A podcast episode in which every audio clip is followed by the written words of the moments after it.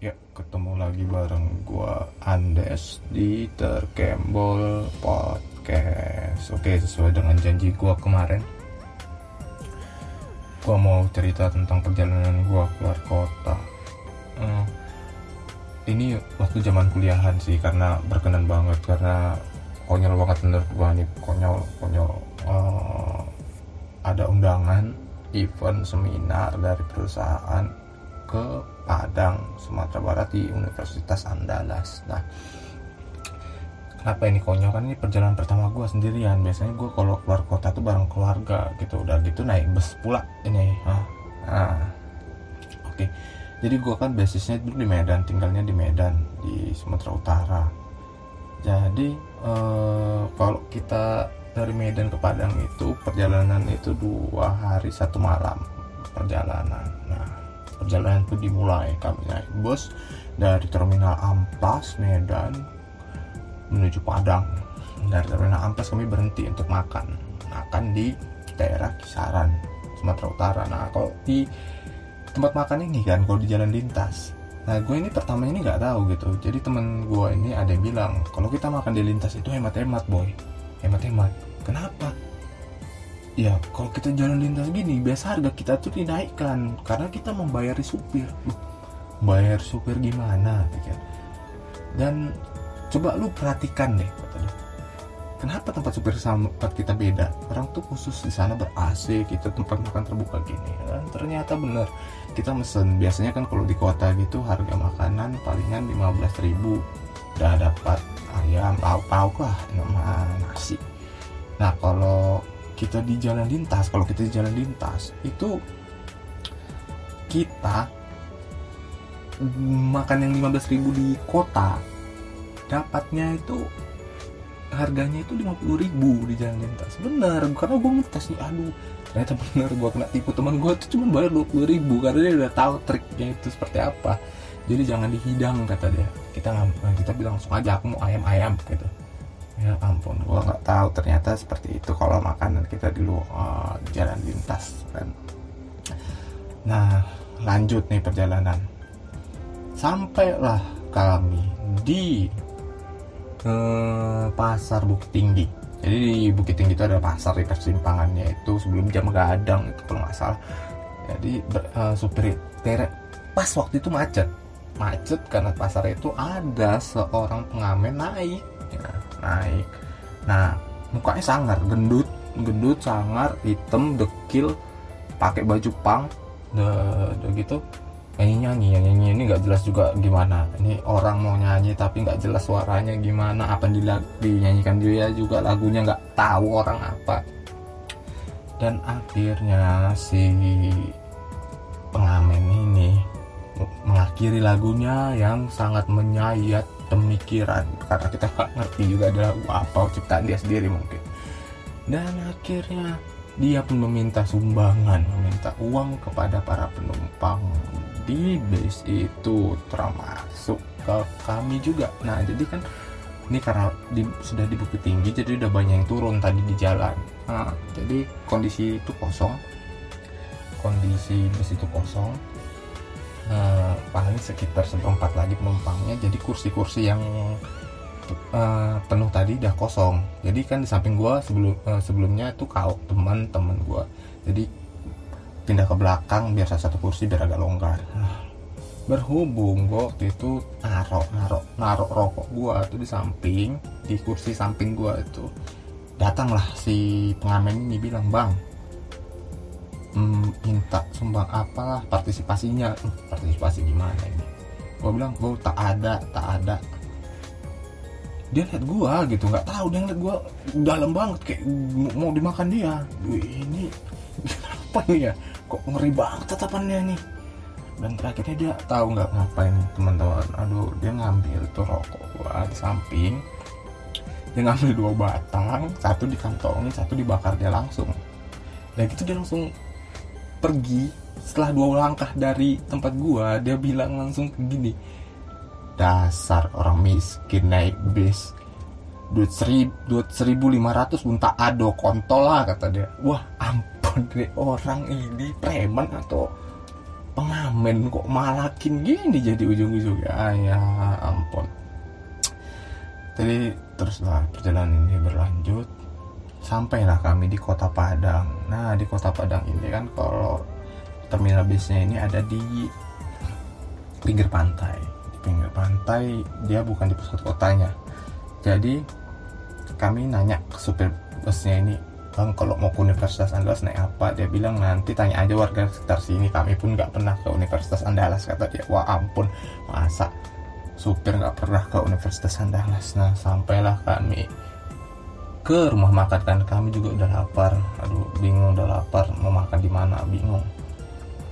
Tapi ada situ uh, pas dia si tukang jualannya nih uh, buka dan kami lihat kayaknya enak sih di sini. Nah temen gua ini tadi juga yang dua, dua ekor ini bilang ya udah makan situ. Nah pas kami makan situ kami tanya sama ibu-ibu itu yang punya warung makan itu. Bu kok ke Universitas Andalas ke mana ya? Oh kalian naik aja angkot nanti yang warna biru. Lo gak ada nomornya bu nggak ada. Oh kalian dari mana? Rupanya dari Medan. Oh iya di Medan kan biasanya ada no, uh, nomor angkot kan. Ya di sini nggak ada kata dia. Ya enggak karena kan di Medan kan biasanya gini teman-teman kita ada nomor angkot ada juga nomor uh, warna ada jenisnya ada berbagai macam. Beda-beda dia tujuan arahnya itu berdasarkan nomor jenis dan warna. Nah kalau di Padang ini satu warna. Warna warnanya di arahnya ke sini warnanya yang, kuning ke sana gitu. Nah jadi kami pun berinisiatif dengan teman pergi ke tempat yang ibu itu bilang itu ke, ke simpang kantor pos. Di situ ada simpang kantor pos. Nah yang lebih gilanya lagi di situ kami jumpa sama bule. Bule. Nah, bule ini kebingungan. Nggak tahu kenapa nih kok bule kok bingung gitu. Nah kami pun karena bule kan bingung uh, dengan keadaan sekitar membantu lah kami hampirin. Pas kami hampirin dia lagi megang map map turis. Dan kami lihat di map turis itu tahu nggak? Itu bahasanya bahasa Minang bahasa Minang. Wah ini kacau nih. Masa turis pakai bahasa Minang? Aduh. Terus kami mau bantu juga nggak bisa gitu. Ujung-ujung nggak bisa. Akhirnya jalan ke kantor polisi. Pas di ganti uh, si samping kantor pos itu ada kantor polisi. Dia nanya ke situ oh, untuk mat turisnya itu terakhir ditorong lah dia ya ampun jadi teman-teman kalau di Padang itu berarti kita kalau turis turis mau man, mancanegara mau lokal mau di Indonesia juga turis Indonesia lu harus cari cari ini cari orang Minang itu gitu. Sebagai pemandu. Jadi mereka tuh tetap menciptakan lapangan pekerjaan untuk uh, warga lokal ya warga mereka orang Padangnya itu gitu. Ya ampun. Jadi terakhir hmm, kami juga bingung kok angkot warna biru? Nggak ada di sini. Ini gimana ya angkot warna biru ini ya? Nah hmm, jadi gue bilang gini sama teman gue lu coba ke sana deh ke tempat itu warung-warung itu ada warung kecil. Lu tanya aja kita nih kayaknya ditipu. Soalnya dari tadi kita nggak dapat dapat yang warna biru. Nampak lah kami di kede itu di warung kecil itu. Nah teman gue yang gue bilangin tadi balik lagi ke gue bro kenapa? Ah, gue malas lah ngomong sama mereka. Kenapa? Udah lu aja kata dia. Gue nggak pede kata dia. Nggak pede gimana? Ada kata-kata pede kayak gitu jumpa sama orang. Terakhir gue datang itu ke warung. Duh, ternyata isinya anak kecil anak kecil. Lagi tiduran dan gue tanya. Ah, ada jual rokok. Dia cuma diam aja gitu diam aja. Oh, ekspresi dia tuh diam mengkerutkan dahinya gitu. Eh kenapa ya dia? Baru oh gue langsung berpikiran oh mungkin ini kayak kayak bule tadi nih pakai pakai bahasa Minang nggak gue gue tirukan rokok gitu gue peragakan gitu pakai tangan. Tetap nggak nggak nggak ini dia nggak nggak respon. Nggak nggak taunya dia manggil orang manggil orang jauh ada orang sana. Dia manggil datang orang ini dan gue gue gue gue yakin itu bapaknya gue yakin itu bapaknya bapak si anak ini tadi. Nah gue ngomong sama bapak bapak itu pak ini uh, gue mau beli rokok. Nggak ngerti juga gitu. Ih. aduh ini gimana? Gue peragain juga nggak tahu gitu dia. Ampun ampun ampun gila gila gitu. Gila ini gila orang ini gila. Nah terakhirnya uh, sampai gue di udah tensi tinggi. Gue bilang sama temen gue udah kita gini aja lah jalan aja ke sana. Gue juga udah bingung mau nanya tadi di warung itu pura-pura beli juga. Nggak nggak nggak ada respon. Karena ternyata guys teman-teman kita kalau sepanjang perjalanan kami itu mm, di situ kami tanya banyak yang pakai bahasa Minang ini tadi. Jadi kita pakai bahasa Indonesia susah gitu. Susah komunikasi mereka. Akhirnya jalan lah jalan udah jauh udah capek ini berkilo-kilometer kami jalan. Itu aduh ampun. Sampai kami di rel ada rel di situ rel bekas jajahan hmm, zaman Belanda. Itu rel untuk tambang kalau nggak salah. Jadi di rel itu udah nggak digunain lagi. Jadi pas kondisinya ini sudah hampir malam petang itu. Petang petang menuju malam udah agak gelap. Kami di situ hujan kondisinya. Nah untung ada tempat untuk berteduh di bawah bawah atap uh, sebuah toko lama yang udah lama nggak mungkin nggak ada peng, penghuninya di situ. Nah jadi di situ banyak anak kecil main-main air hujan main ban becek-becek di jalan itu. Ay, ampun di Padang ini berarti belum terkontaminasi teknologi anak-anaknya. Masih main-main yang kayak gini. Uh, bagus deh pikirkan. Ah tapi teman-teman gue ini juga udah resah ini gimana? Nah gue niatin tuh jumpa teman-teman anak-anak anak-anak yang tadi main-main hujan tadi yang becek-becek tadi gue tanya. Satu aduh satu, satu pakai bahasa Minang juga kam aduh gimana ini? Terakhirnya kami putuskan udah cok tanya yang terakhir ya anak-anak lagi main air hujan kami tanya.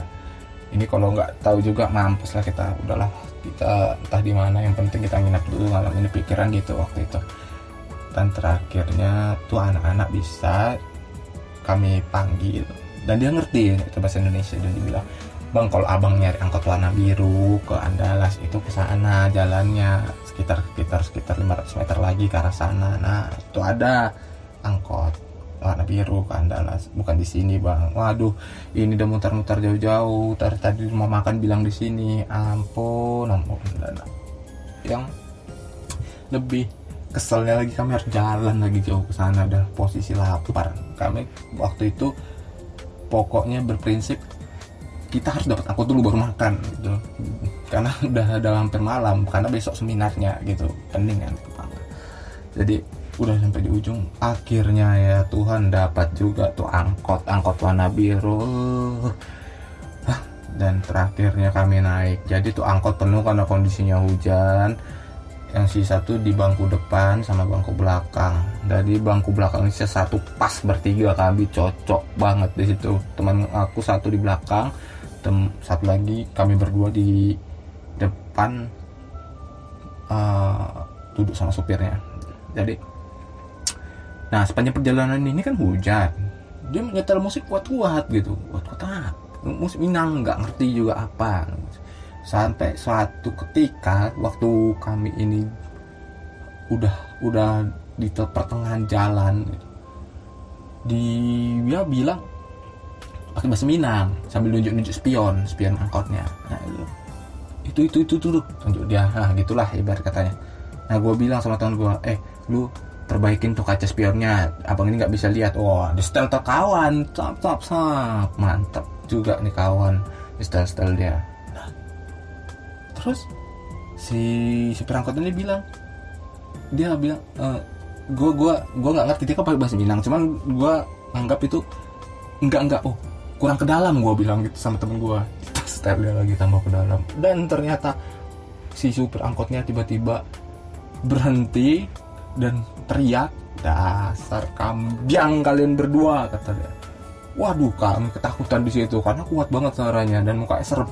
Aduh datang teman langsung dibilang ya bang. Maaf bang kami nggak bisa pakai bahasa Minang gitu. Kami nggak ngerti maksud abang apa. Kalian berdua kan udah aku bilang tadi itu kaca spionnya itu dilap bukan di style style kamu nggak ngerti bahasa Minang. Dia bilang dong kalian nggak bisa pakai bahasa Minang. Jangan iyo iyo ngangguk ngangguk saya pikir kalian tahu kata dia. Aduh gua gua sama temen gua malu. Banget situ takutan banget terakhirnya ujung-ujungnya dia pakai bahasa Indonesia. Cerita cerita juga. Kalian mau ke mana? Kalian mau ke mana sih? Mau ke Andalas? Oh Andalas. Nah nanti kan uh, aku berhenti di sana ya kata si supirnya nah, uh, akhirnya sampailah juga kami di Andalas. Nah yang ianya kami bingung. Dan sampai Andalas kok nggak berhenti? Ini supir gitu. Nggak berhenti. Ternyata kalau di Andalas itu angkot itu bisa masuk ke dalam kampus. Bisa. Kan kalau di Medan ini di Sumatera Utara nggak ada itu angkot yang bisa masuk ke dalam kampus. Ini bisa masuk. Dan dibilang dia eh tenang aja kalian gitu keliling dulu dari pintunya itu baru keluar baru kami diberhentikan sama dia. Diberhentikan. Dan akhirnya lah kami selesai juga dan sampailah di situ perjuangan dan peng pengalaman luar biasa. Dan akhirnya masih tetap beranjak pengalaman ini. Jadi kami di situ nginap. Nginap karena besoknya seminar nginapnya ini di situ ada kos kosan yang biasa bulan kami minta tolong sama ibu itu supaya jadikan harian. Dan akhirnya ibu itu membantu menjadi harian. Dan kami menginap di situ. Dan sampai akhirnya besoknya lagi itu udah selesai seminar kami udah ikut dan kami mau pulang ke Medan. Nah mau pulang ke Medan ini yang lebih gilanya lagi. Temen gue ini ternyata nggak bawa duit gitu. Dia bawa duit pas. Dia bawa duit pas uh, bawa duit pas untuk berangkat aja. Pulangnya nggak ada duit. Kata dia duit gue habis kemarin untuk ini kata dia untuk nginap aduh ini. Gimana temen gue ini? Dan terakhirnya gue sama dia udah udah gini pakai duit gua aja aja lah nanti lo serah lah. Yang penting kita dapat dulu gua udah jenuh gua mau pulang di sini. Pas mau pulang ini nih kami nyari um, satu pun. Dan ini udah siang kami terlambat ternyata tuh bus itu udah udah banyak yang berangkat. Dan akhirnya kami dapat itu mobil rental. Nah, mobil rental. Bayangin itu mobil rental yang jenisnya itu EPV dan akhirnya kami lihat harganya ternyata mahal banget. Karena kemarin tuh naik bis ini dua kali lipatnya harganya untuk per orang. Jadi kalau di tambah teman gue biaya teman gue ini aduh besar juga ini untuk perjalanan pulang. Nah akhirnya kami siasati lah berdua dengan kawan dengan ide jahat kami. Kami melihat supir ang supir uh, yang punya travelnya ini untuk menurunkan harga. Pertama dia nggak mau.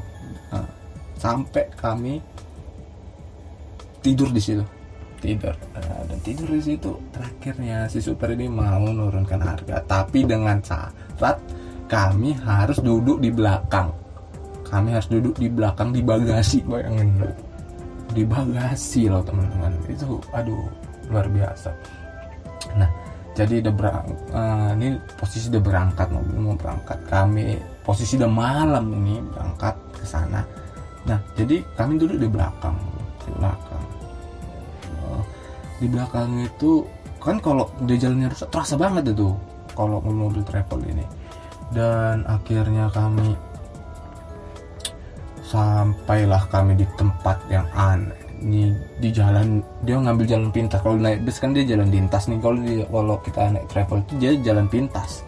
Jalan pintas nggak tahu ini arah ke mana ini dibawa dia mau dibawa dia ke jurang juga nggak tahu mau ke mana. Dan akhirnya dan akhirnya sampailah di suatu tempat di tempatnya ini di rumah-rumah di perkampungan. Ternyata dia jemput orang. Oh ternyata travel ini dia sistemnya itu dia ngambil orang di jalan bukan uh, bukan di justru di loketnya itu bukan. Dia ngambilnya ini di jalan.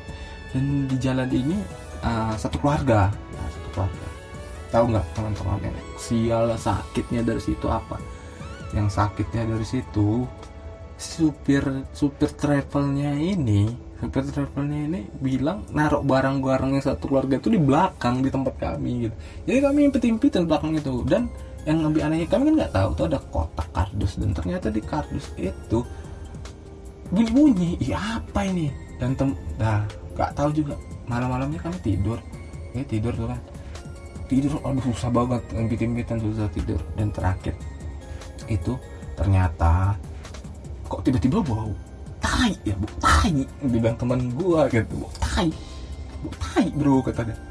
Tai apa? Masa nggak cium aku lagi ini makan permen jadi aku hirup itu bu. Tai apa? Eh bu tai kata dia. Dan dia oh coba cek dulu ke bawah kakimu itu. Karena dicek ternyata di bawah kaki ayam enggak ayam ayam ayam itu keluar dari kardus itu ya ampun ini ah astaga.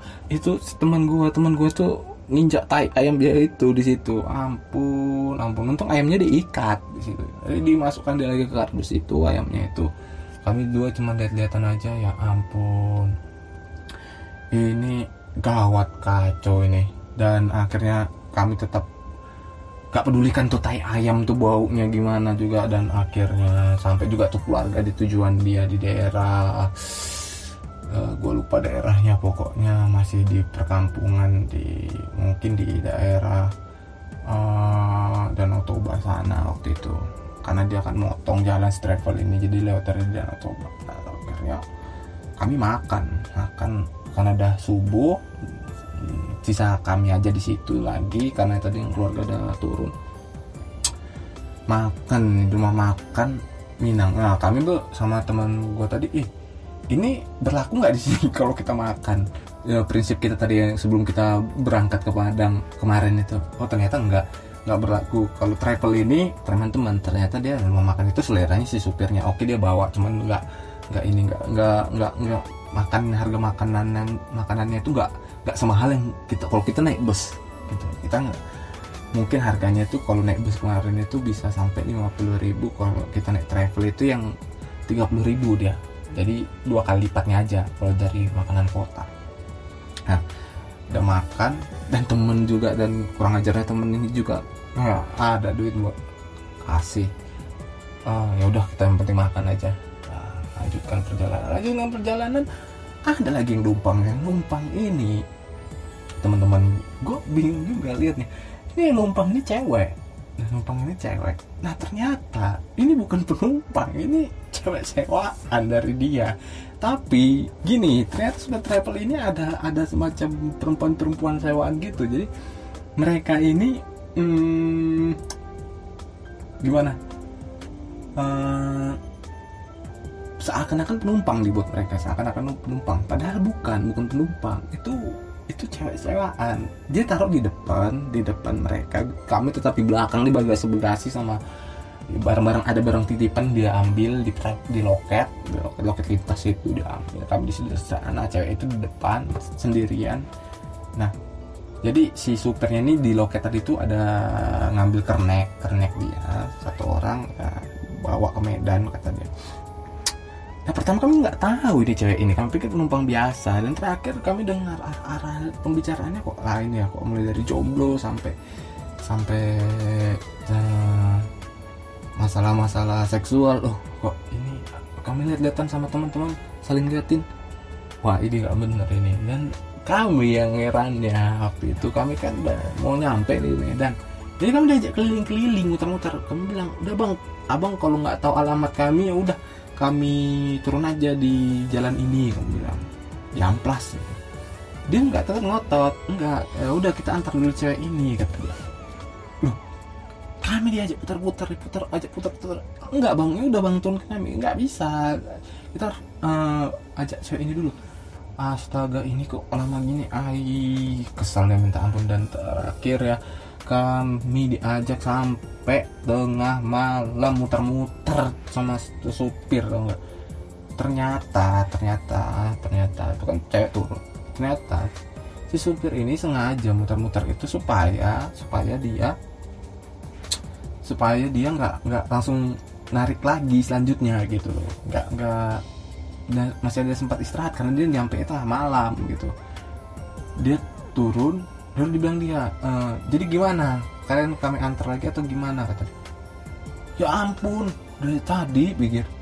Ya dan akhirnya gue sama teman gue ya udahlah kita sini aja gila supirnya.